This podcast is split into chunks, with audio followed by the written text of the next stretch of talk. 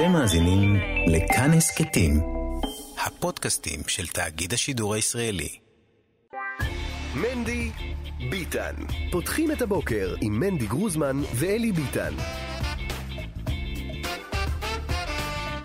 אם היה מישהו אחד אה, שלא מספיק נעצב אל ליבו אה, ביום הזה, אה, תחילת ימי בין המצרים, צום י"ז בתמוז נדחה, אני בטוח שהשיר אה, שהשמענו לו עורר בו איזושהי אה, נימה של אה, עצב. טוב, אה, רבותיי, שלום לכם, בוקר טוב. אנחנו בפתחה של השעה השנייה, מני ביטן, כאן מורשת, השעה היא תשע ותשע דקות. ואתם יודעים, אנחנו היום בצום, צום אה, 17 בתמוז נדחה. י"ז בתמוז חל בשבת, שבה כמובן אנחנו לא מתאבלים ולא צמים, והנה ימי בין המצרים נפתחים היום בצום הזה. חמישה דברים, כך אה, מספרת לנו המשנה במסכת תענית, חמישה דברים אירעו את אבותינו ב-17 בתמוז. נשתברו הלוחות. כן, כן, השבירת הלוחות על ידי משה קרתה אז. בוטל התמיד. הופקעה העיר. שרף אפוסטומוס את התורה, והוא עמד צלם בהיכל. בדיוק. אה, וכמובן הסיבה המרכזית אה, לצום הזה זה אה, הסיבה השלישית שהסתתרה לה כאן אה, ברשימת הסיבות, הופקעה העיר. בעצם אנחנו בתהליך של עשרה בטבת, החל המצור על ירושלים, אבל ירושלים עמדה חזקה ולא נכנעה למצור. ב-17 בתמוז המצור עשה את פעולתו והכוחות, כוחות האויב פרצו את חומות העיר ונכנסו לירושלים. ובתשעה באב שרפת בית המקדש, שני בתי המקדשות שלנו, גם הראשון וגם השני, ובעצם מי"ז בתמוז ועד תשעה באב, שלושת השבועות בזמן שחלף בין אה, הפקעת העיר עד שכוחות אה, האויב, הבבלים והרומים, הגיעו אל, אה, אל אה, בית המקדש ושרפו אותו. בזמן הזה אנחנו בשלושת השבועות, בימים שמלבד הצום שפותח אותם, שזה היום, ומלבד כמובן הצום שסוגר אותם, שזה תשעה באב, שזה צום שלם החל מהלילה, כבר החל מהשקיעה, בשונה מהצום הזה שהוא רק מעלות השחר.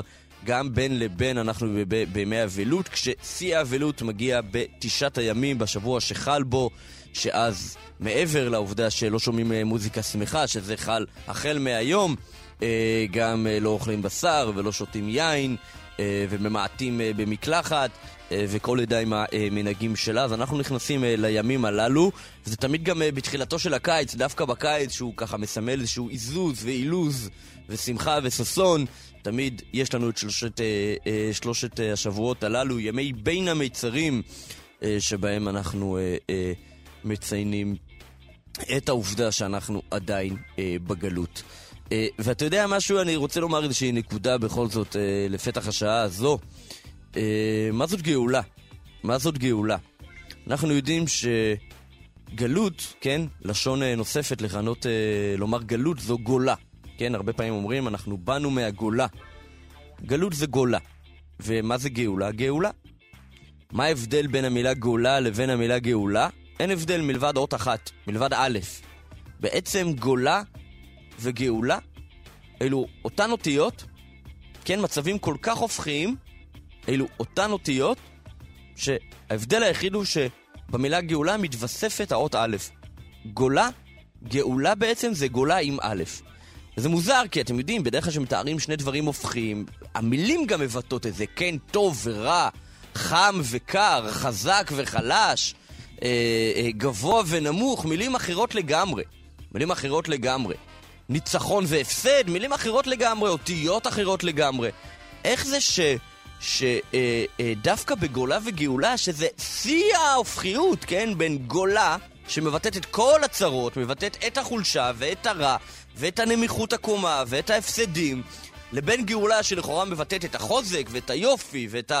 ואת הטוב, ואת הניצחון, ואת הרווחה, ו... ו... ואת הכל.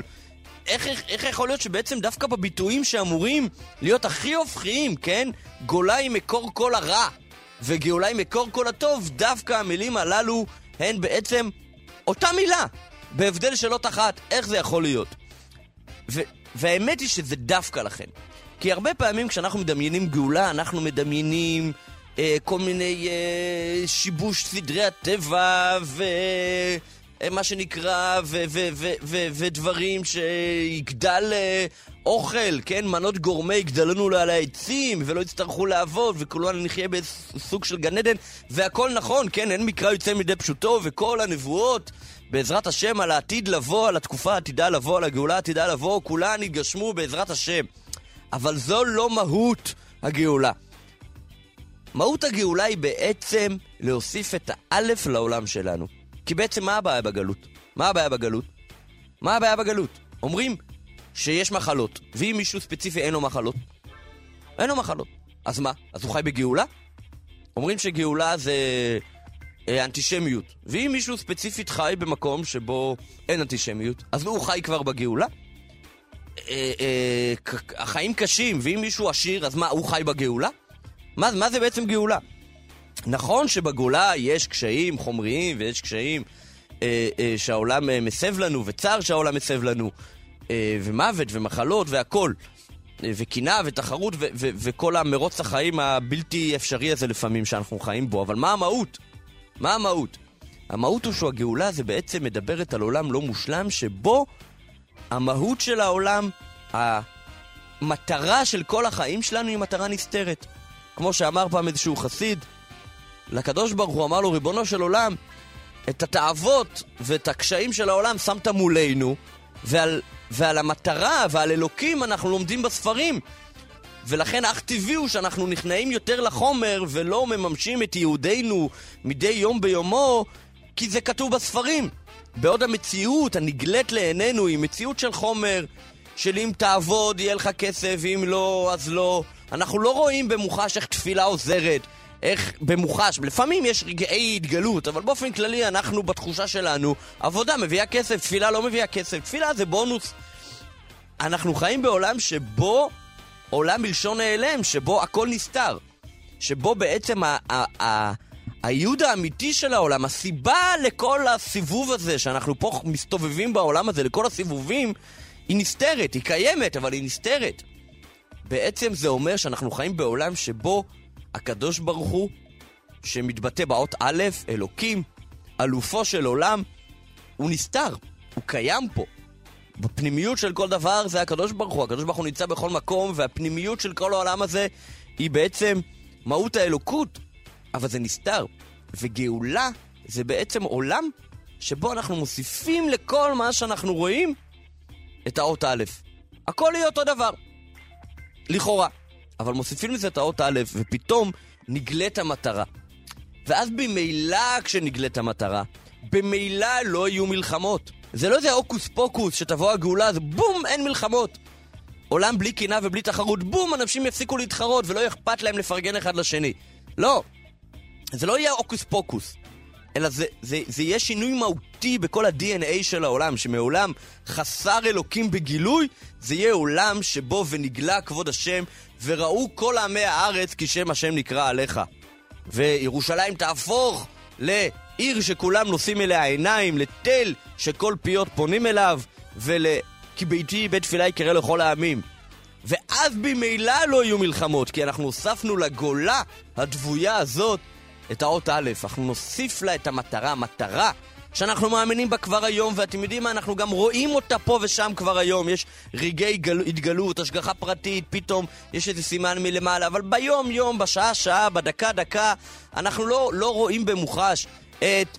אה, את אלופו של עולם, את, ה, את הייעוד שלנו, את המטרה שלנו. אנחנו לא מרגישים כל רגע את המטרה שבשבילה אנחנו בכלל הגענו לכאן, ובשבילה בכלל אנחנו פועלים ומתאמצים וחיים. ובגאולה, אנחנו נוסיף את האלף. א', א' קטנה.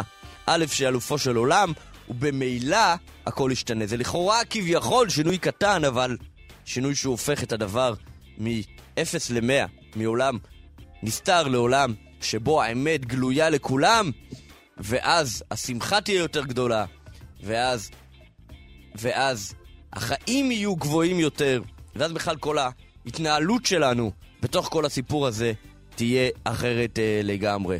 וזה ז' בתמוז, ועל זה אנחנו מתפללים. על זה בדיוק אנחנו מתפללים.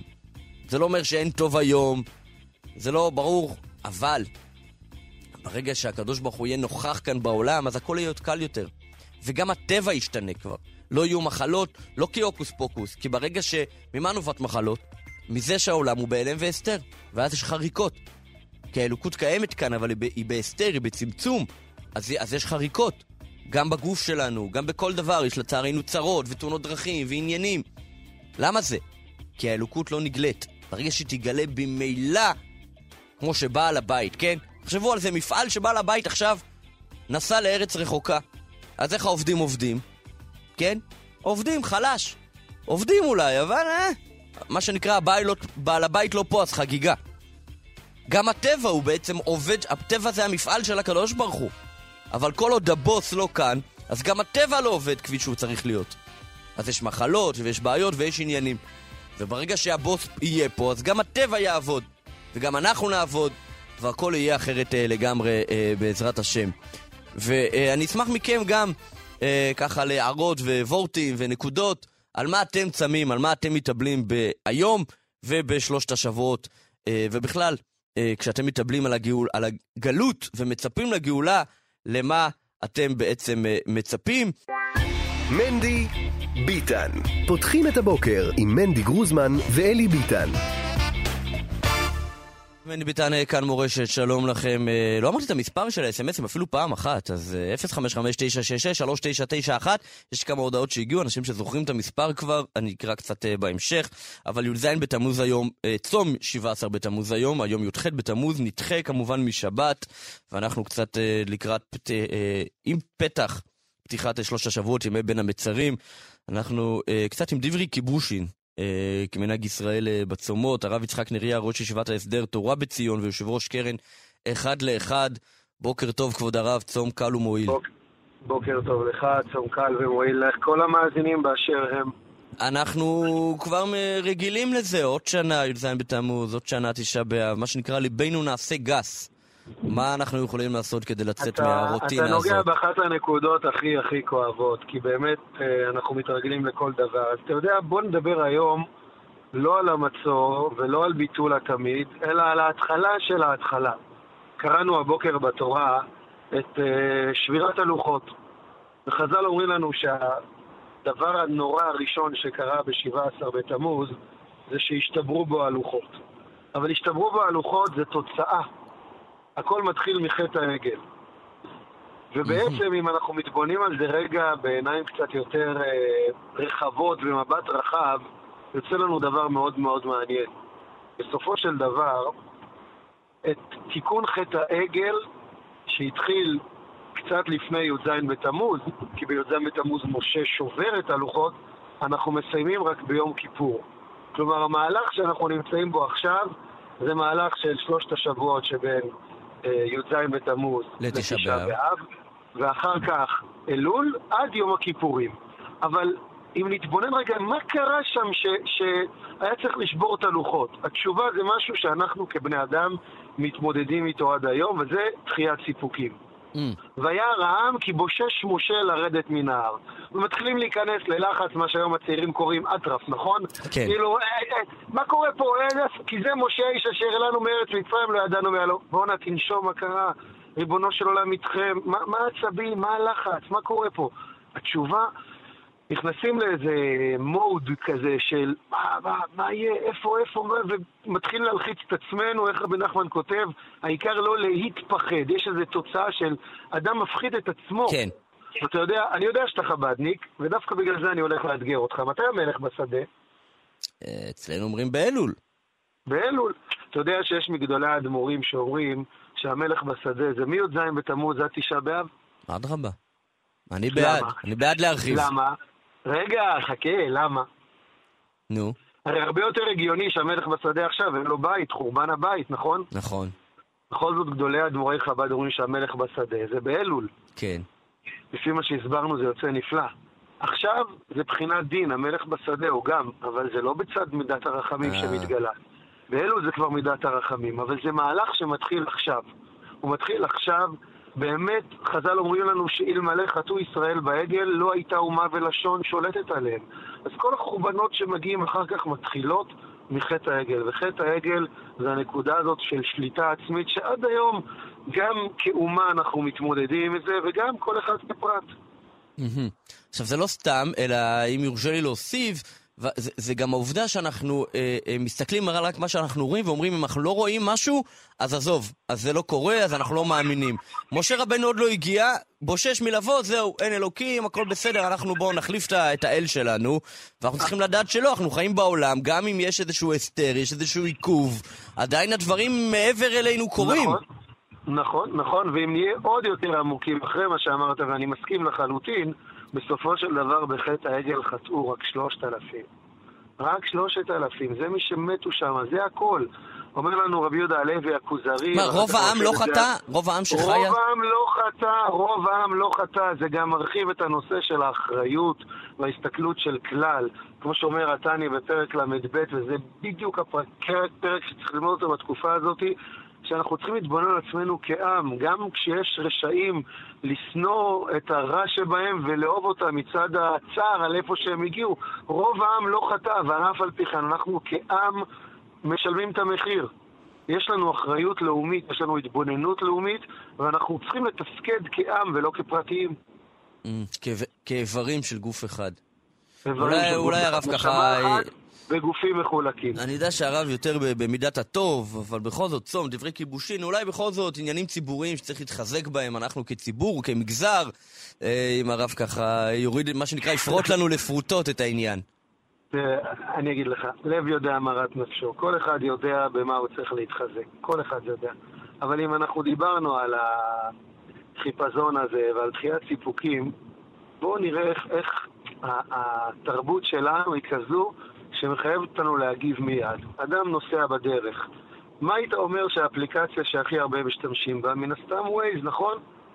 מחקרים מוכיחים שלמרות שאנשים נוהגים, האפליקציה שהם הכי משתמשים בה זה אפליקציות מסרים של וואטסאפ. כן. אז בואו לא נלך רחוק לדברים הכי הכי בסיסיים, מה קרה? תגיב עוד שעה, תגיע ליעד שלך, תגיב אז. לא, צריך להגיב מיד, הטלפון רודף אותך, הוא מצפצף לך, ואם אתה לא מגיב אז כבר מתחילים לראות היכן אתה ומה קרה ולאיפה הלכת. אני אומר, הדברים היסודיים השורשיים שמתגלים בחטא של uh, העגל, ואחר כך בפריצה לעיר והחורבן שמבטא בעיות בחברה, הם לא השתנו. זה בדיוק מה שאומרת לנו הגמרא בירושלמי ביומא, וזה מראה לא נעימה מול הפנים. כל דור שלא נבנה בית המקדש בימיו, כאילו הוא החריבו. תאר לעצמך שחס ושלום היית עכשיו משדר והיה את חורבן בית המקדש. כן. שום דבר אחר לא היה חשוב, שום דבר אחר לא היה חשוב. זה, זה המבט שמול עינינו. כלומר, האמת היא שבשורשם של דברים לא תיקנו עדיין, כי אם היינו מתקנים, המציאות הייתה שונה. קשה להתמודד עם האמת הזו, אבל זו האמת הפשוטה שהגמרא ביומה בירושלמי כותבת לנו בדפי עמוד א'. כן, כן, צריך גם לזכור ש- שענייני אה, הנהיגה זה לא בין אדם למקום, זה בין אדם לחברו, אתה רוצה לסכן את ברור, עצמך, גם, ברור. גם זה אסור לסכן את עצמך, הגוף שלך לא שלך, אבל בטח לא שאתה נוגע בטלפון, בטעות תזוז, יש לך... בכלל הדרכים, זה, זה, זה ה- כל הדברים האלה שאנחנו אומרים, כל מעשה שלנו משפיע על כולם, בכביש רואים את זה, אין כל תזוזה, נכון, כל חוסר, נכון. כל שנייה של חוסר תשומת לב, השם ישמור יכולה להשליך על כל תאונת שרשרת, השם ישמור על משפחות, על גלים, נכון, גלים, גלים נכון, של לא, כאב. אז לא צריך להגיע לכל מיני דברים שאדם מחפש במומי אחרים. לכל אחד יש מאיתנו מה להתחזק. זה גם מה שחז"ל אומרים, שכתב מרירי שולט. לפחות בתקופה הזאת כן. תיזהר. ואתה יודע עוד מילה אחת בכל זאת, הרי מה כותב? לא יכו התלמידים בימים האלה. כלומר, בזמנם היו נוהגים להכות את התלמידים אה, אה, כדי לחנך אותם. ובפוסקים הופיע אפילו לא אני לא יודע מה זה ברצועה. לא בזמנם. בזמן ילדותי גם. לא, בזמנם. אולי- אתה שייך לזמנם. כן, אה, אני מבוגר כבר, כן, אוקיי. בכל מקרה, בכל מקרה, זה ימים של תיקון עמוק, שגם את החינוך כן. לא רואים רק את הצבת היעד המיידי עכשיו. אני רוצה שהוא יתחנך, אני רוצה שהוא יקשיב, ולכן טראח, אני מכה ויעשו. לא, לא, לא, לא, לא. אנחנו לא הולכים, גם אפילו בחינוך, אנחנו מבינים שזה תהליך, זה ארוך, ולא מחכים לתוצאה המיידית, אלא נותנים לזה את הזמן. אה, גם חושב סיפוקים של המחנכים. בדיוק. יפה. בדיוק. הדגשתי פה היום נקודה אחת, שבאמת אני חושב שאנחנו ממעטים להתבונן בה. רבותיי, נחת, נינוחות, סבלנות, דחיית סיפוקים גם של המחנכים, אנחנו לא בצבא, אנחנו בתהליכים, דברים לוקחים זמן, וכשאנשים מפנימים, תחת גערה במבין, מהכות כפיל מאה. מספיק לאדם שמבין, זה שווה את המאה מכות. אם הוא מבין את זה לבד ועושה את זה מהפנימיות שלו, זה שווה את הכל. שנזכה להתחזק בדברים הללו. שנזכה בעזרת השם. סבלנות. אבל בדבר אחד כבר אני סבלנות, אני רוצה את הגאולה השלמה כמה אפשר. אמן. כולנו מתפללים, כן. כולנו מתפללים. בעזרת השם שנזכה. הרב יצחק איך נריה. אמרנו היום בפיוט? איך? אה, גדור פרצי בבן פרצי ומחדק לקוד שושן. בעזרת השם שהקדוש ברוך הוא יגדור את פרצות עמו, את פרצותינו ומחדק מהקוצים, הוא ילקוט את השושנה, את עם ישראל. אמן, אמן, אמן, אמן, אמן. הרב יצחק נריה, ראש ישיבת ההסדר. התורה בציון, יושב ראש קרן אחד לאחד, יישר כוח, צום מועיל, תודה רבה. תודה, תודה. מנדי ביטן. פותחים את הבוקר עם מנדי גרוזמן ואלי ביטן. אני רוצה שנדבר רגע על אותה לחיצת יד שלא הראה אה, בין אה, זמרת ישראלית בשם יובל דיין אה, לבין נשיא הברית ג'וי ביידן. אה, אני, למאזינים שלא צפו באותו אה, קטע וידאו, אז נספר שבעצם אה, באחד הטקסים שאירעו אה, לרגל ביקורו של נשיא ארצות הברית כאן בישראל, היא שרה. אה, ואז בסופו של דבר, לאחר ההופעה, לאחר ההופעה, לאחר השירה, ניגש אליה נשיא ארצות הברית והושיט לה את ידו, והיא ככה קראה, ככה סימנה לו כזה עם הידיים, וחייכה אליו, ומיד שומעים שם את הזמר השני שהיה עימה, רן דנקר, אומר לנשיא שהיא religious, שהיא דתייה. ויהום השר, ויהום השר, מדברים רק על זה. מה מדברים? אוי אוי אוי אוי אוי אוי אוי אוי אוי איך העזה להלבין פני אדם ברבים. עכשיו, מי שראה רואה את הקטע, מה להלבין, איך להלבין, זה לא נראה להלבין, הנשיא אכן כבר מושיט את היד. זה רגע שנייה של אי נעימות, היא לא, היא לא מתעלמת ממנו בגסות, היא לא, אה, אה, היא לא כלום, היא לא, היא לא ככה בזה לו, היא לא מפנה אליו את גבה, כלום. להפך, היא מסמנת לו כל מה שאפשר לסמן באמצעות מחוות גוף. אה, אה, ככה, כן, יפניות כאלה, עם הידיים, אה, קצת קורעת כאילו כזה, שלום שלום, רק בלי הלחיצת יד, ומיד גם מסבירים לו, היא religious. עכשיו, נשיא ארצות הברית, יהודי בן 80, לא יהודי בן 80 יותר נכון, אה, מן הסתם יודע את המנהג הזה של נשים דתיות, יהודיות ודתיות אחרות, כן, מוסלמיות, או לא יודע מי, שאינן לוחצות יד אה, לבני המין השני, וגם הפוך, גברים שלא לוחצים יד אה, לבנות. אה, זה לא, אני לא חושב שזה נפל עליו כרעם ביום בהיר, שהוא לא פגש בתופעה הזאת עד עצם היום הזה. יש לו בלשכה, אצלו בלשכה, מישהי חרדית, אה, שמן הסתם לא לוחצת לו את ידה, והם עובדים יחד. אז נכון, רגע של מבוכה, אה, וזהו. הלבנת פני חברו ברבים, פוגעת באינטרסים של ישראל. אוי אוי אוי אוי אוי אוי אוי אוי אוי אוי אוי אוי אוי אוי אוי תקשיבו, עכשיו, מה עוד יותר מגוחך מזה? זה שמתחילים לפלפל בהלכותיה. אומרים, איך היא שרה בפני גברים, זה כן, אבל ללחוץ יד זה לא. מי אתם? יש תרי"ג מצוות, האם מישהו מאיתנו מקיים את כל התרי"ג מצוות? למה שלא נבוא לכל אחד מא... מאיתנו וכל אחד מעצמנו ונשאל את עצמנו, הרי לשון הרע אנחנו חוטאים פה ושם, אז איך זה שאנחנו שומרים שבת? מה. באיזה זכות אנחנו שומרים שבת אם הרי מצווה אחרת אנחנו, מצוות לא תעשה של אל תבוא רכיל בימיך? איך על זה אנחנו עוברים ברגל גסה אפילו כמעט, מדי יום ביומו? חלקנו, לא כולם, יש כאלה שמקפידים, אבל רובנו הייתי אומר. אבל, וזה לא, מה, מה קשור? מה, היא החליטה שהיא מתחזקת בעניין הזה. רק בעניין הזה נקודותיים. נקודה, סליחה, לא נקודותיים. מה, מתחילים להיפלפל לה, ואו! והצד השלישי, זה כבר מתחילים להסביר לה שזה כן הלכה וזה לא הלכה. מה זה עניינכם? מבחינתה זה מנהג, זה הלכה, זה התחזקות שהיא קיבלה על עצמה, זה היה רגע של מבוכה. ביידן טס לו לארצות הברית, תאמינו לי, יש לו עוד איזה שניים, שלושה עניינים, שקצת, בכל זאת, נשיא המעצמה הגדולה בעולם, מטרידים את מנוחתו, הוא עכשיו כבר באמצע להתמקח עם סעודיה שם על אה, כמה חביות נפט אה, ייצרו כדי להוריד את מחירי הדלק בעולם. לא נראה לי שבדרך מישראל לסעודיה, במטוס ה... Air Force One, כן? ככה אומרים? לא נראה לי שמה שהעסיק את מוחו באותם רגעים זה למה הבחורה הישראלית הזאת לא לחצה לי את היד. לא נראה לי. אז לפני שמביאים פה את כל הציטטות על מבני פני חברו ברבים, תנשמו. תנשמו. מנדי ביטן. פותחים את הבוקר עם מנדי גרוזמן ואלי ביטן. מדי ביטן אה, כאן מורשת, אה, גם מתעסקים באקטואליה, אבל גם אה, מזכירים כל עת שאנחנו כמובן בצום י"ז בתמוז נדחה. ואנחנו בשעה הבאה נעסוק קצת יותר בענייני, בענייני דיומא אמיתיים. אבל בינתיים, מה לעשות, ענייני החומר, ענייני האקטואליה. אבישי גרינצייג, פרשן וכתב משפטי גלובס, בוקר טוב. שלום, בוקר טוב.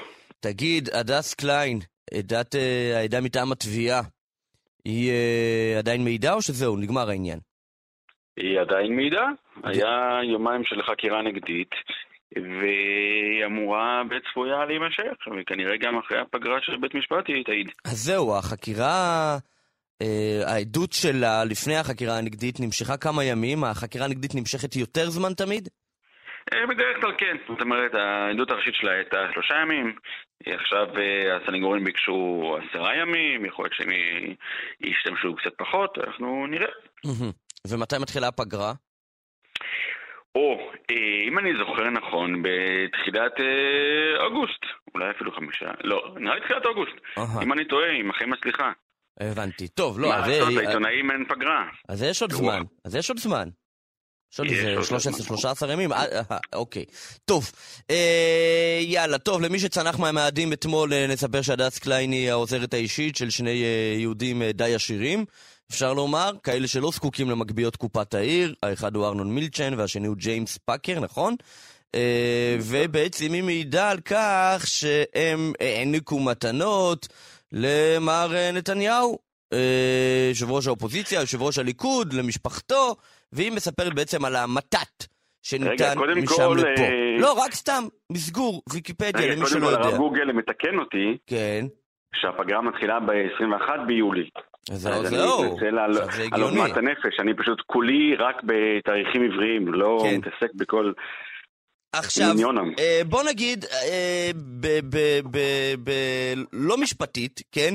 מבחינת אה, הדרבי הציבורי סביב המשפט הזה, שהוא בעיקר דרבי ציבורי, אז בתיק 4000, כשפילבר העיד, היה כזה, הוא, הוא, הוא, התביעה נופלת, וכשהדס קליין מעידה, יש כזה, הוא, הוא, הוא, ביבי נופל. עכשיו, אני לא יודע אם זה נכון משפטית גם או לא, אבל זה התחושה, זאת התחושה. ובשביל זה יש לנו פה את המקצוען, שיגיד לנו האם התחושה היא תואמת גם את המצב המשפטי, או שאין קשר. אתה שאלת שאלה מצוינת. אני טוב בזה, אבל אתה צריך לענות תשובה מצוינת. אז אה, אתה יודע, כמו כל דבר, אה, התשובה היא איפשהו באמצע. אני חושב שהפרקליטות לא נפלה דרמטית בעדות של פילבר, היה לה קושי משמעותי עם הסיפור של תאריך פגישת ההנחיה, קושי כן. לגמרי קיים. מצד שני, גם אה, פילבר אה, העיד דברים לא טובים בכלל לנתניהו. עכשיו, כן. לגבי הדס קליין, אנחנו נמצאים עדיין בעיצומה של החקירה הנגדית, אז אני לא חושב שיהיה נכון לסכם וכבר לקבוע האם... לא, בסדר, אה, סיכום ביניים, אל תדאג, תסייג, תסייג, תגיד עד כה. והדברים יכולים להשתנות, אבל עד כה... אני אומר לכאורה, ואז... כן, בדיוק, נכון. אז ככה, בעצם מבחינת החקירה שלה היא העידה על כמויות גדולות מאוד של מתנות למשפחת נתניהו, שחלק לא מבוטל מהן היה בסוג של אה, כופין אותו, זאת אומרת שלא היה נעים להגיד אה, לא לשרה, לא, לא היה נעים להגיד לא לנתניהו, לביבי, אה, ובעצם מאחורי הגב שלהם אנחנו אמרנו, כאילו היה לנו איזה הומור שחור על כל הקו אספקה הזה של סיגריות ושמפניות, סיגרים ושמפניות. והתפקיד עכשיו של הסנגורים זה א', להוריד בכמות מאוד משמעותית את הסכומים. זאת אומרת, אם הפרקליטות מבקשת, מדברת על 700 אלף אה, ויותר, אז מבחינת הסנגורים לנסות להוריד את הכמויות ל-200 אלף. Mm-hmm. אה, זה נקודה אחת, נקודה נוספת זה להראות שלפחות משפחת נתניהו ראתה את זה כקשר חברי. זה שמילצ'ן מאחורי הגב, או הדס קליין מאחורי הגב, צחקה על, ה, לא יודע, על הקמצנות שלהם, על הטירוף שלהם, זה לא מעניין בהיבט הפלילי, זאת אומרת, זה המצג שאתם הצגתם למשפחת נתניהו כשהם אה, בעצם ניהלו אתכם קשר. זה שאתם צחקתם עליהם מאחורי הגב, או ראיתם בהם ככה וככה, זה לא מעניין, זאת אומרת, כי כן. ככה אה, נתניהו... לא, אבל אם הם היו חברים...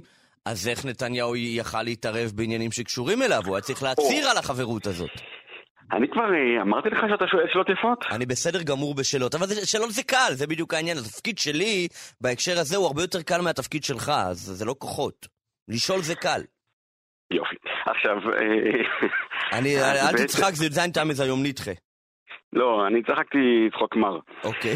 אז לגבי הנקודה הזאת, זאת אומרת, טיפל בוויזה של, של מילשן ועוד, אז מבחינת הסנגורים הם יטענו שלא מדובר בפעולות שלטוניות, זאת אומרת, זה לא שנתניהו אה, חתם על איזשהו אה, מסמך בכובעו כראש ממשלה, בעצם לכן אין פה... אלא זה אה, רק מילה שם, ישב בכל זאת עם החבר'ה כן, מאמריקה.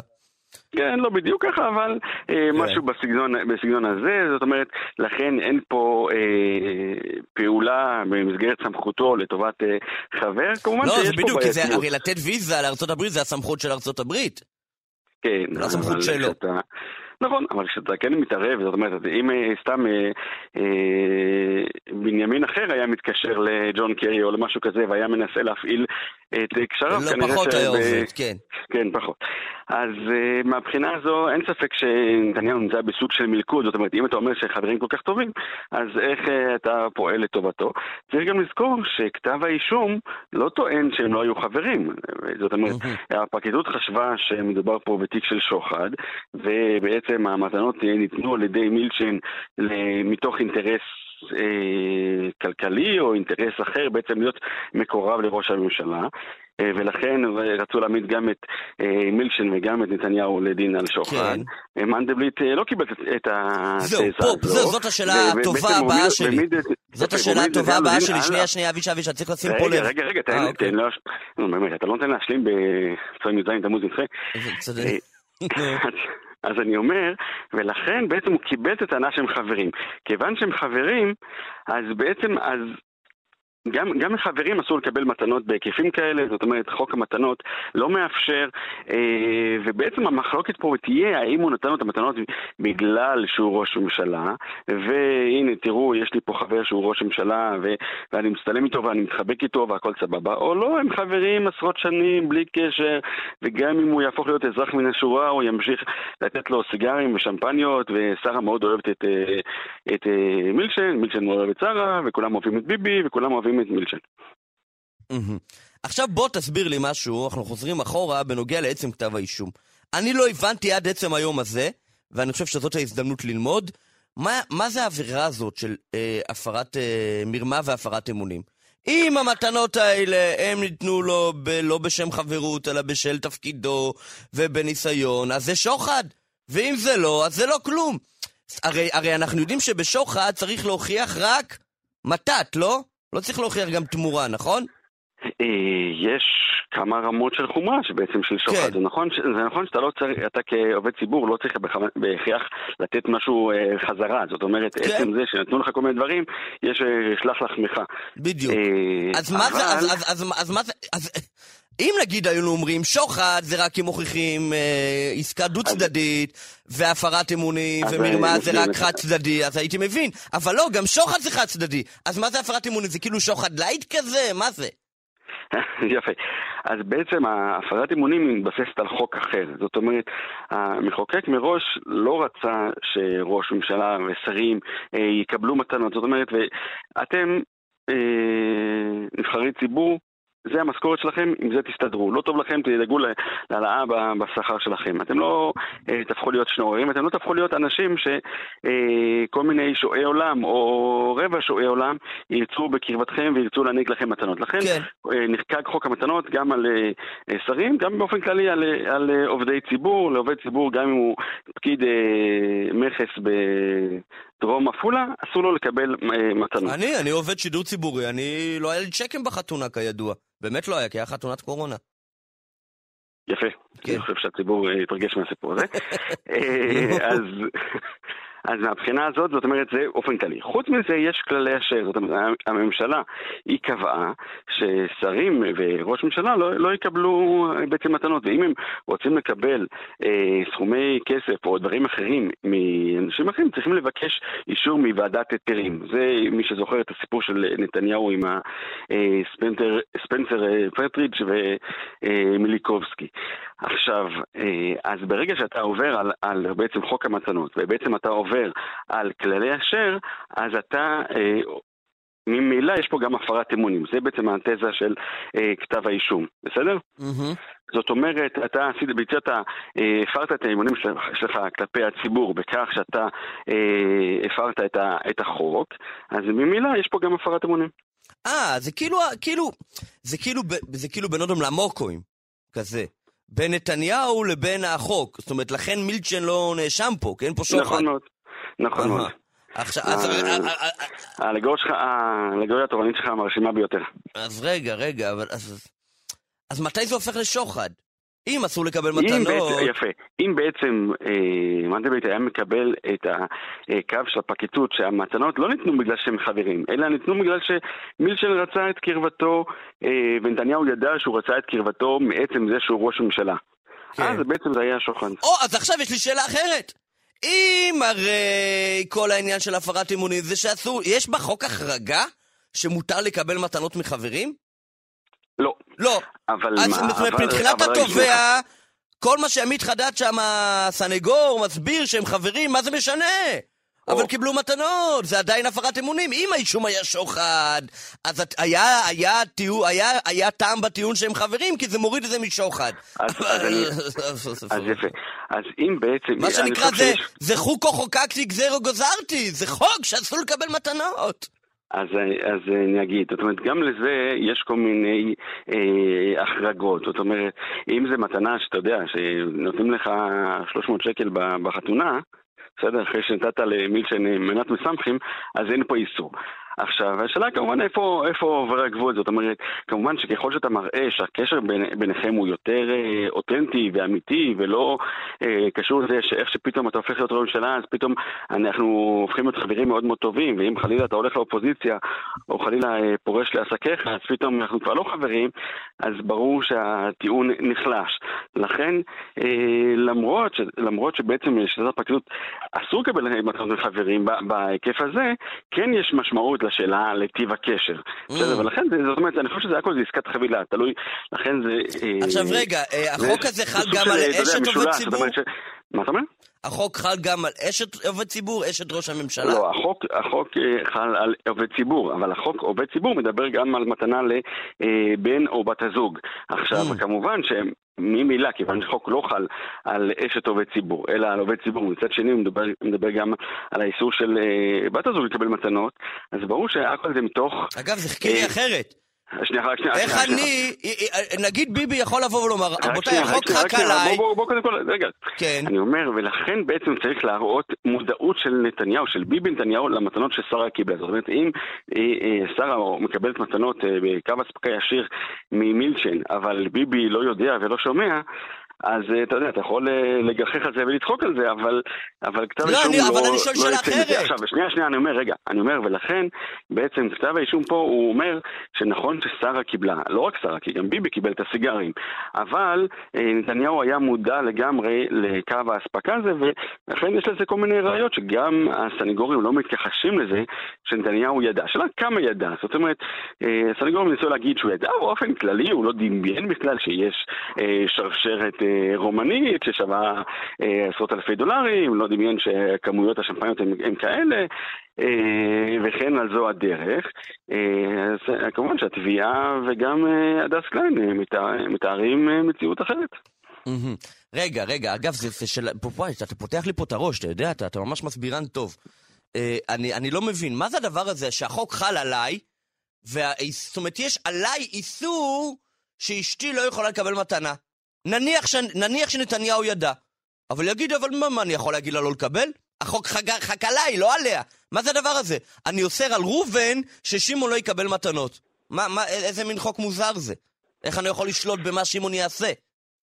אה, אם אה, שמעון... שאלה היקר, טובה, אל תגיד. שאלה מצוינת. מה זה, החוק שזה- חל על עובד שזה הציבור? צום, הייתי מחמיא לך אפילו יותר. עובד אומר- הציבור אסור לא, לא! זה כמו רב אריה כהן שהגיע עם אשתו פעם אחת.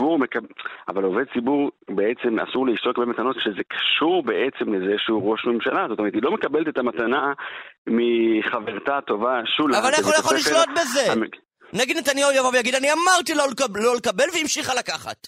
מה אפשר אוקיי, להגיד לו? ידעתי ואמרתי לה, אבל היא אוהבת מתנות, מה לעשות? זאת אשתי.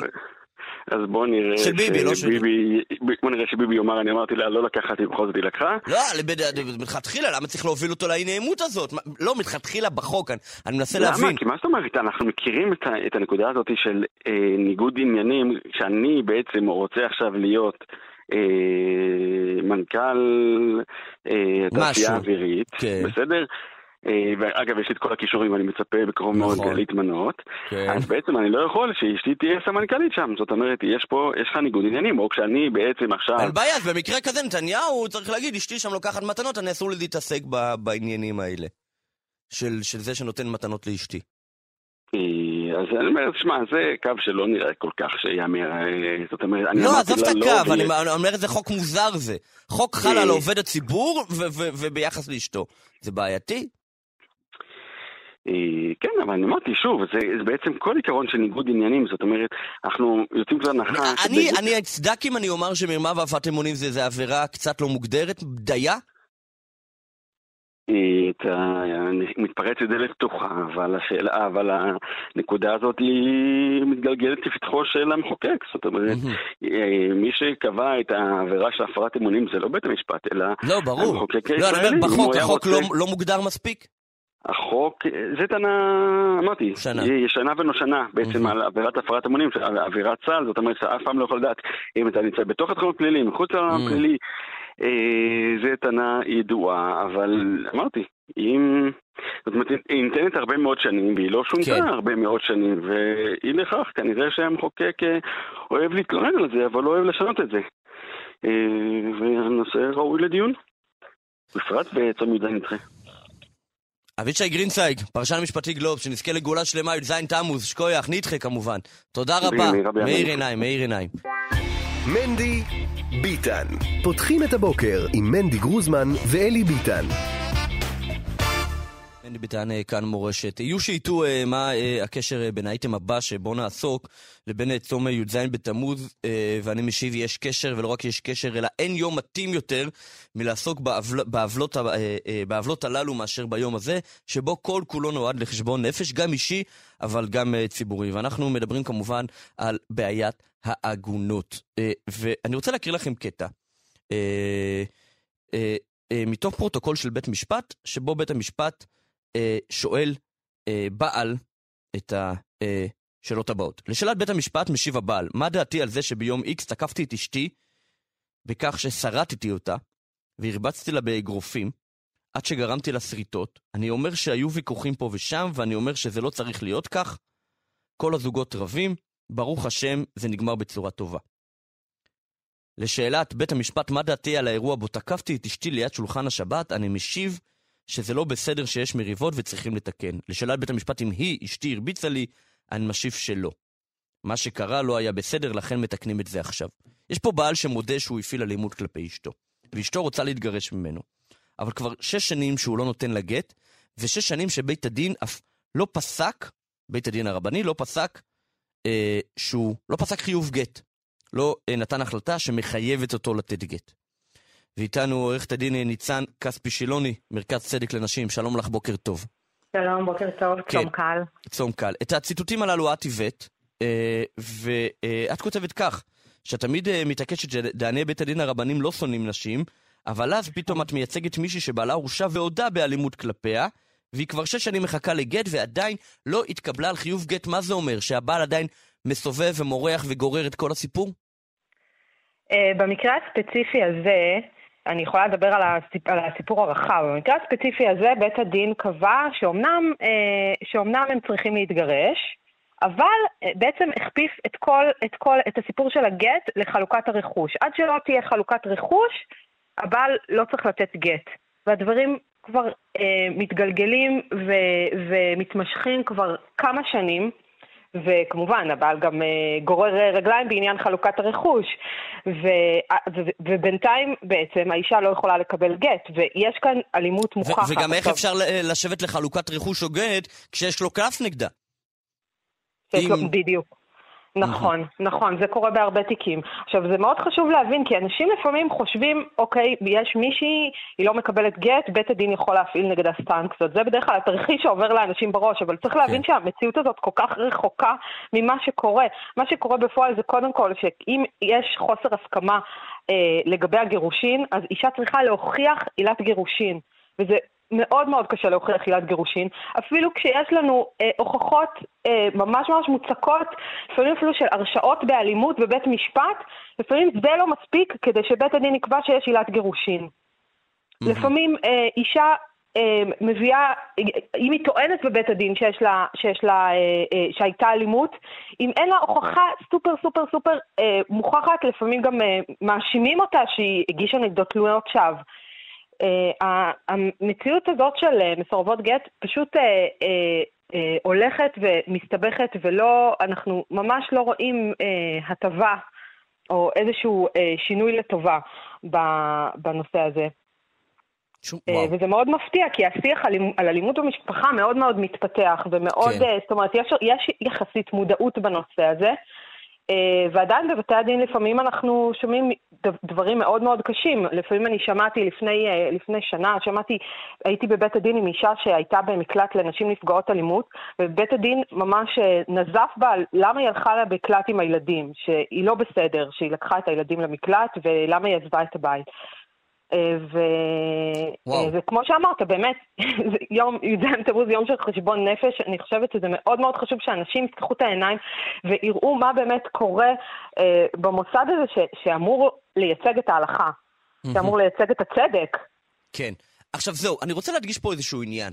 אה, כי אה, הרבה פעמים אומרים, רבותיי, אה, זה הלכה, ההלכה היא לא תמיד תואמת את אה, ערכים שאנחנו, שהעולם מאמין בהם, או היא לא ערכה, הלכה, דיונים כאלה, לפעמים ההלכה היא, היא, היא, היא אירוע סגור, וצריך להבין בזה, ולא תמיד אפשר, כל אחד יכול להביע עמדה. אבל כשאנחנו מדברים על כל הדברים האלה, של מתי, כמה זמן לוקח לבית הדין לתת פסיקה של חיוב גט, וכמה זמן לוקח עד שהתיק עובד, עובר, שזה עוד שלב.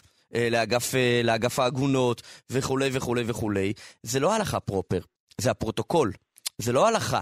אין, אין איזה כללים נורא ברורים בהלכה מתי בית הדין צריך לחייב גט ומתי לא. אין כדבר כזה. זה בסוף החלטה של, של שיקול דעת ושל בית הדין, וזה, אה, בוא נאמר שאם בית הדין לא היה בית הדין רבני, כן? אז לא היה כל כך משמעות גם לעניין הזה, כי הרי מה המשמעות שהיום בית הדין נותן חיוב גט? הרי זה לא... זה משמעות שהמדינה יכולה, או הרבנות עצמה, והאגף העגונות בהמשך, יכול להפעיל כל מיני סנקציות. זה, אה, זה בעצם פרוטוקול. פרוטוקול שהוא יותר בתחום ה... ה, ה, ה זאת אומרת, זה יותר, זה פחות קשור להלכה, כמו שזה קשור לעובדה שבית הדין פה מתפקד כזרוע של המדינה, כמוסד ממשלתי, ויש לו את הסמכות להפעיל סנקציות. ו, אה, ולכן אנחנו יכולים וצריכים להביע עמדה בזה, כי אנחנו רואים באמת גרירת רגליים מאוד מאוד נרחבת בעניין הזה. ולפעמים, כמו שאת אומרת, הנה, יש פה הוכחות, אין פה דיון. יש פה הוכחות שחור על גבי לבן, הבעל מודה, אין פה צד שני, הבעל מודה. הוא ישב בכלא, הוא ישב אה, בכלא. בכלא. הוא ישב בכלא, כן. והוא ישב בכלא ומודה, ישב בכלא, תגיד, הרשיעו אותו בלי סיבה. לא, הוא מודה, הוא עצמו אומר. היה, המקרים קרו. הוא מודה נכון. באלימות, ועדיין... לא, לא מחייבים גט, אתה תופס את הראש ואתה אומר, מה קורה עם זה? עכשיו, אה, דבר שלא נגיד שפנינו לדוברות בתי הדין לתגובה בעניין הזה, כמובן שאין תגובה, אה, לפחות נכון לעכשיו, אה, לא נשלחה אפילו, אפילו אין תגובה לא נשלח עדיין, ויש תגובה? אין תגובה. אני רוצה גם להגיד... אה, הם אומרים שהם צריכים ללמוד את המקרה. בסדר, אוקיי, כן. קחו את הזמן, הכל בסדר, האישה בינתיים תחכה. הייתה שש שנים, כן. כן. ותסביר לי את, מה את כמישהי שם, איך את מסבירה את זה? אז אני רוצה גם להתייחס למה שאמרת מקודם, שהוא כל כך נכון, שבאמת, אם היה מדובר, זאת אומרת, ההלכה הרי במשך המון, רוב ההיסטוריה היהודית, כן, היא פעלה במסגרות פרטיות, במסגרות של קהילות, כל אדם בחר אולי, או, או, או היה כפוף לבית הדין של הקהילה שלו, והוא היה יכול לעבור אולי לקהילה אחרת. פה יש לנו בעצם אמ, בית דין מטעם המדינה, קיבל סמכויות מהמדינה, כולנו כפופים אליו, אנחנו לא יכולים, מה שנקרא, לעשות לנו רב, כן? ללכת לרב שנראה לנו, לפרשנות של ההלכה שנראית לנו, הרי להלכה יש המון אה, יכולות להיות הרבה פרשנויות. פה אנחנו כפופים לפרשנות מסוימת, לדיינים מסוימים, ואני אזכיר גם שמדובר, רוב האנשים שמגיעים לבית הדין הם לא בהכרח שומרי מצוות, בדרך כלל הם לא שומרי מצוות, והפרשנות המסוימת שמתגלית לנו בבתי הדין להלכה, שאנחנו כפופים אליה על פי חוק, היא מאוד מסוימת ומאוד מאוד קשה ומאוד לא, אה, לא מותאמת. למציאות התרבותית, כאילו, אני לא מדברת על ה, על ה, באמת על ההלכה הפורמליסטית של הבעל צריך לתת גט וכולי וכולי, אלא אפילו לפרשנות, מה זאת אלימות, מתי זוג צריך להתגרש, האם, ב, ב, ב, האם כשזוג אה, נגמרו הנישואים, ברור שהם לא חיים כבר ביחד המון זמן, אבל אין עילה פור, פורמלית, האם צריך, אה, האם בית הדין צריך להתערב? הדברים האלה מפורשים בצורה מאוד מאוד אה, דווקנית ברוב ההרכבים, ובצורה מאוד מאוד מחמירה. אה, וזה לחלוטין לא מקרב אנשים ולא אה, גורם להם אה, לרצות לקחת חלק ב, ב, בעצם בתרבות היהודית, בהלכה היהודית, ויש גם בעיה מהצד הזה. כן. תגידי, כן. את, את, איך את מסבירה את זה? כאילו, מה שאנחנו מבינים וואי, גם הדיינים מבינים, כן. מה, יש לך איזה, לא לימוד זכות, אלא פשוט ניסיון להבין מול מה אנחנו מתמודדים? כן, זו השאלה הגדולה, זו באמת השאלה הגדולה. אה, אני חושבת שזו שאלה גם סוציולוגית, גם תרבותית. אה, יכולים להיות כמה הסברים, יכול להיות הסבר באמת ש, שחלק, ככה אני, אני חושבת שחלק גדול מהדיינים באמת אה, אה, נמצאים במקום שבו הם חושבים ומאמינים שהם אמורים, אה, הם בעצם אה, אה, צריכים להפעיל פה את ההלכה. במקרים הכי, אה, מקרי הליבה של ההלכה, כן, כאילו, מדובר כאן על אה, אשת איש, וכאילו הנושאים המאוד מאוד חמורים, והם חושבים שהם באמת אה, מחויבים להפעיל את הפרשנות הכי הכי מחמירה שיש, כי, כי הם, הם באמת מפחדים באופן אישי על העולם הבא שלהם. ככה אני, ככה אני לפעמים מרגישה באולם בית הדין. Mm. זאת אומרת, אני באמת מלמדת כאן זכות שאני אומרת את זה, ואני באמת חושבת שזה נכון. השאלה אם זה מה שאנחנו צריכים, אם אנחנו כן. באמת צריכים שככה דיינים יפעלו ושלא יראו את התמונה הרחבה, שלא, יראו את ה... שלא ייקחו אחריות אה, על, ה... על החברתית, ואחריות על הצדק ואחריות על, על, ה... על התוצאות של ההכרעות שלהם. אה, כן. אני תמיד אומרת, כאילו, כשיש לי שאלה הלכתית, אני אלך, אני אלך לפוסק שלי. פה אני לא הולכת לפוסק שלי, אני הולכת למי שהמדינה מכריחה אותי כן. ללכת. כן. ו- וצריך לומר, וגם, האמת שכל העניינים של חיוב גט ו- ומתי מעבירים לאגף עגונות, זה לא החלטות הלכתיות, זה החלטות uh, מנהליות ממשלתיות. אין בהלכה הבדל בין חיוב גט לבין אגף עגונות, נכון? ת- תתקני אותי אם אני טועה, אין בזה. Uh, זה, זה החלטות יש שם ש... הרבה פוליטיקה, כן, כן, יש שם הרבה פוליטיקה. זה לא פוליטיקה, נכון. זה החלטות ממשלתיות שאומרים, אוקיי, אתה המוסד שגם ככה אחראי, אתה תחליט מתי זה עובר לעגונות ומתי uh, מתחילים להפעיל סנקציות. על פי ההלכה, את יודעת מה על פי ההלכה? מכים אותו עד שיאמר רוצה אני. זה לא מדויק, זה מה שהוביל יכולים להגיד, זה לא כל כך מדויק, אף אחד לא פסק שפקים אותו. חוץ מהרמב"ם, אף אחד לא פסק שתמיד מכים אותו עד שיאמר רוצה אני, זה, זה גם לא לגמרי מדויק, זה יותר מורכב. אמ, אבל, אה, אבל כן, אני, בהחלט יש עוד דרכים אה, לראות את הדברים, ו, ויש כאן אחריות מאוד כבדה של המדינה, שבעצם שלחה את ה... דייני בתי הדין לעשות מה שהם רוצים. הרי אין חוק דיני משפחה, אין חוק כן. שאומר, אה, הם, הם בעצם מפרשים את החוק, הם מחליטים, הם מפרשים את ההלכה איך שהם רוצים, זה מאוד מאוד נדיר. הרי שופט, הוא, הוא לא מחליט מה החוק. שופט בבית משפט אזרחי מקבל את החוק ובעצם כן. יכול מקסימום לפרש אותו. פה הם גם בוחרים מהו החוק. כן. Uh, ואנחנו, זה, המציאות באמת של נשים מאוד מאוד uh, קשה. אם יש, כמובן, אם יש סרבנות, אם אין סרבנות, אז הדברים יכולים להיסגר מיד. כן. הכל בסופו של דבר בידיים של האיש. עורכת הדין אה, ניצן כספי שלוני, מרכז צדק לנשים, שתצליחו, תודה, בוקר טוב. תודה רבה, צום קל איתו. נזכיר שוב שמדוברות בתי הדין, נמסר שהם צריכים ללמוד את התיק לפני שהם מגיבים, וכשתימסר תגובה אנחנו כמובן נפרסם אותה. בואו נדבר על כסף. איזה מעבר חד, אבל כן, כן, כסף זה חשוב, מה זה כסף? כסף זה פרנוסה, אם אין קמח אין תרא, אה, והפינה הכלכלית בשיתוף קרן קמח, ואיתנו איציק קרומבי, שולם עליכם. שלום, שלום, בוקר טוב. הנה, אז אתה כבר עשית פרו... צום קל, כמובן צום מועיל, אתה עשית אה, כבר פרומו לפינה, ואתה שואל כך, איך זה שלמרות שאצל החרדים יש את קצב הגידול הגדול ביותר בכל המדינות המפותחות, מספר המנדטים של המפלגות החרדיות לא עולה דרמטית?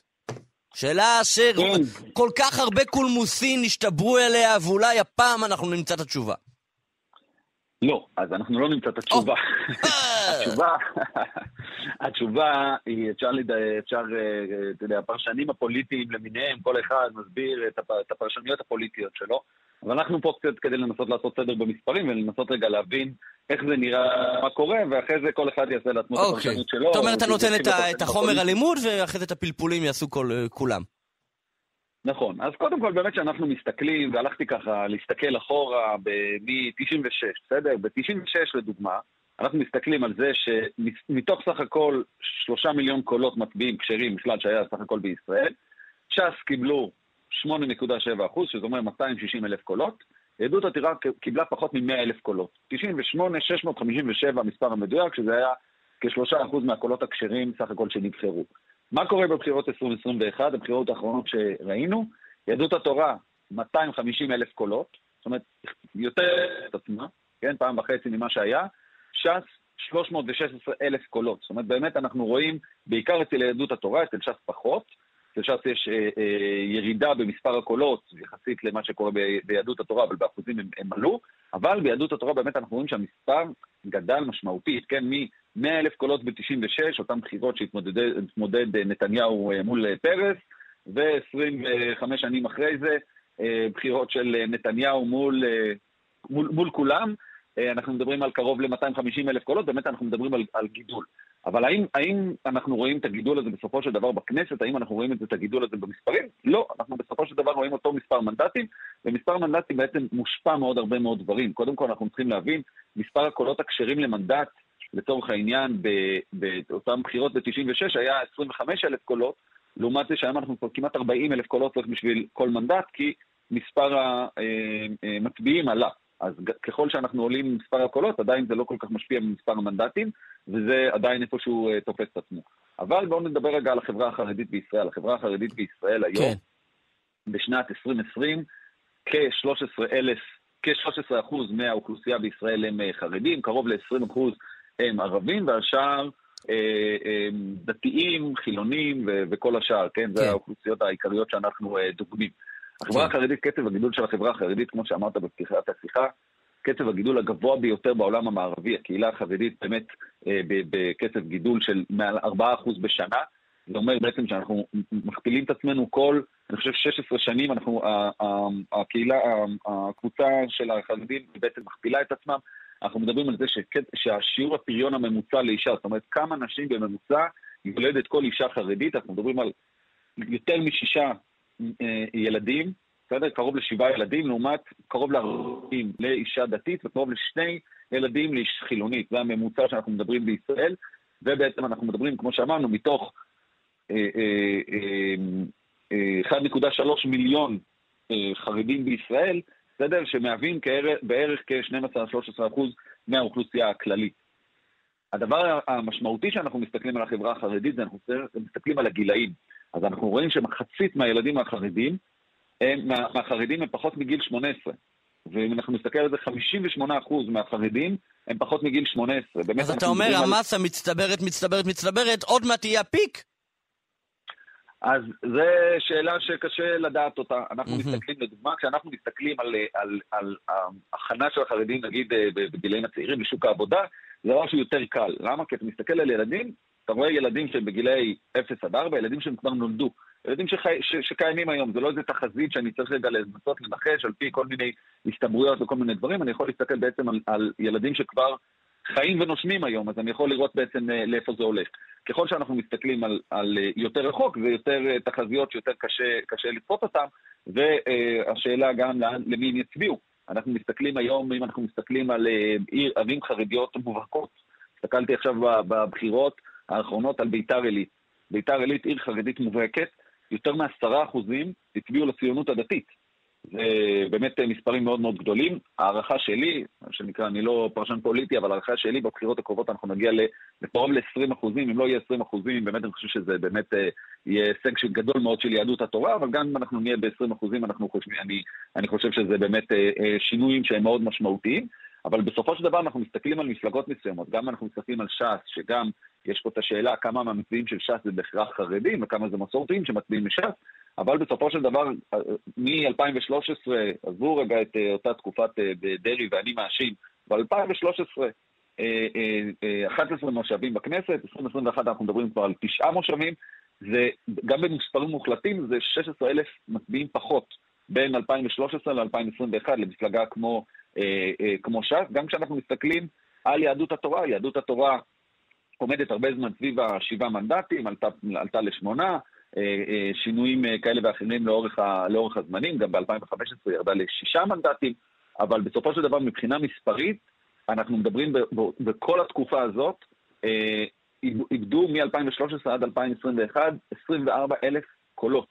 זה פשוט איבדו קולות, לא רק שלא נוספו קולות, אנחנו מדברים באמת על, על מספרים מאוד מאוד משמעותיים, ובאמת בשאלה שאנחנו שואלים, כשקצב הגידול הוא 4.2% בשנה, שזה באמת אה, אה, אה, משהו שהיה אמור להראות אה, גידול מאוד משמעותי, בסופו של דבר אם המפלגה שומרת על כוחה ונשארת באותו מקום ולא גדלה, אנחנו באמת מבינים שזה, אה, אפשר לקרוא לזה כישלון, אפשר לקרוא לזה, כן, דברים, תלוי, תלוי איך מסתכלים על זה, בסדר? אנחנו מדברים, כמו שאמרנו, כן 250 אלף קולות, סך הכל, מתוך קהילה כל כך גדולה של 1.3 מיליון תושבים, גם אם חצי מהם הם מתחת לגיל 18, אנחנו עדיין מדברים פה על, על קבוצה שכוללת יותר מחצי מיליון מצביעים, לפחות חצי מיליון מצביעים, ואחוז ההצבעה לא כל כך גבוה, אה, גם אצל החרדים, למרות כל הדיבורים, ועשית ככל אשר ימוך והכל, כנראה שבקבוצות מסוימות זה לא כל כך עובד בצורה כל כך אה, ברורה.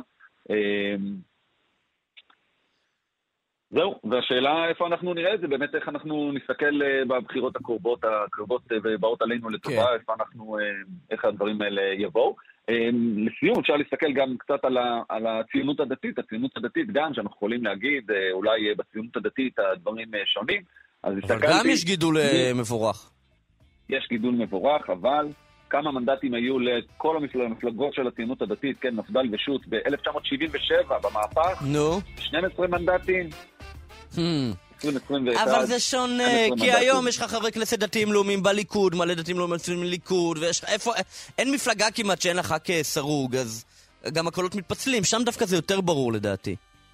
תראה, אני אמרתי, אנחנו לא נכנסים לפוליטיקה, אבל כן. אם כבר הפוליטיקה נוגעת בנו, גם בכחול לבן הייתה ח"כית כן? חרדית, אז אתה יכול להגיד האם... לא, לא, לא, לא, לא, לא, לא, אבל אין כמה חרדים הצביעו לכחול לבן, אבל כמה דתיים לאומיים הצביעו לכחול לבן, ולסער וללפיד, מלא.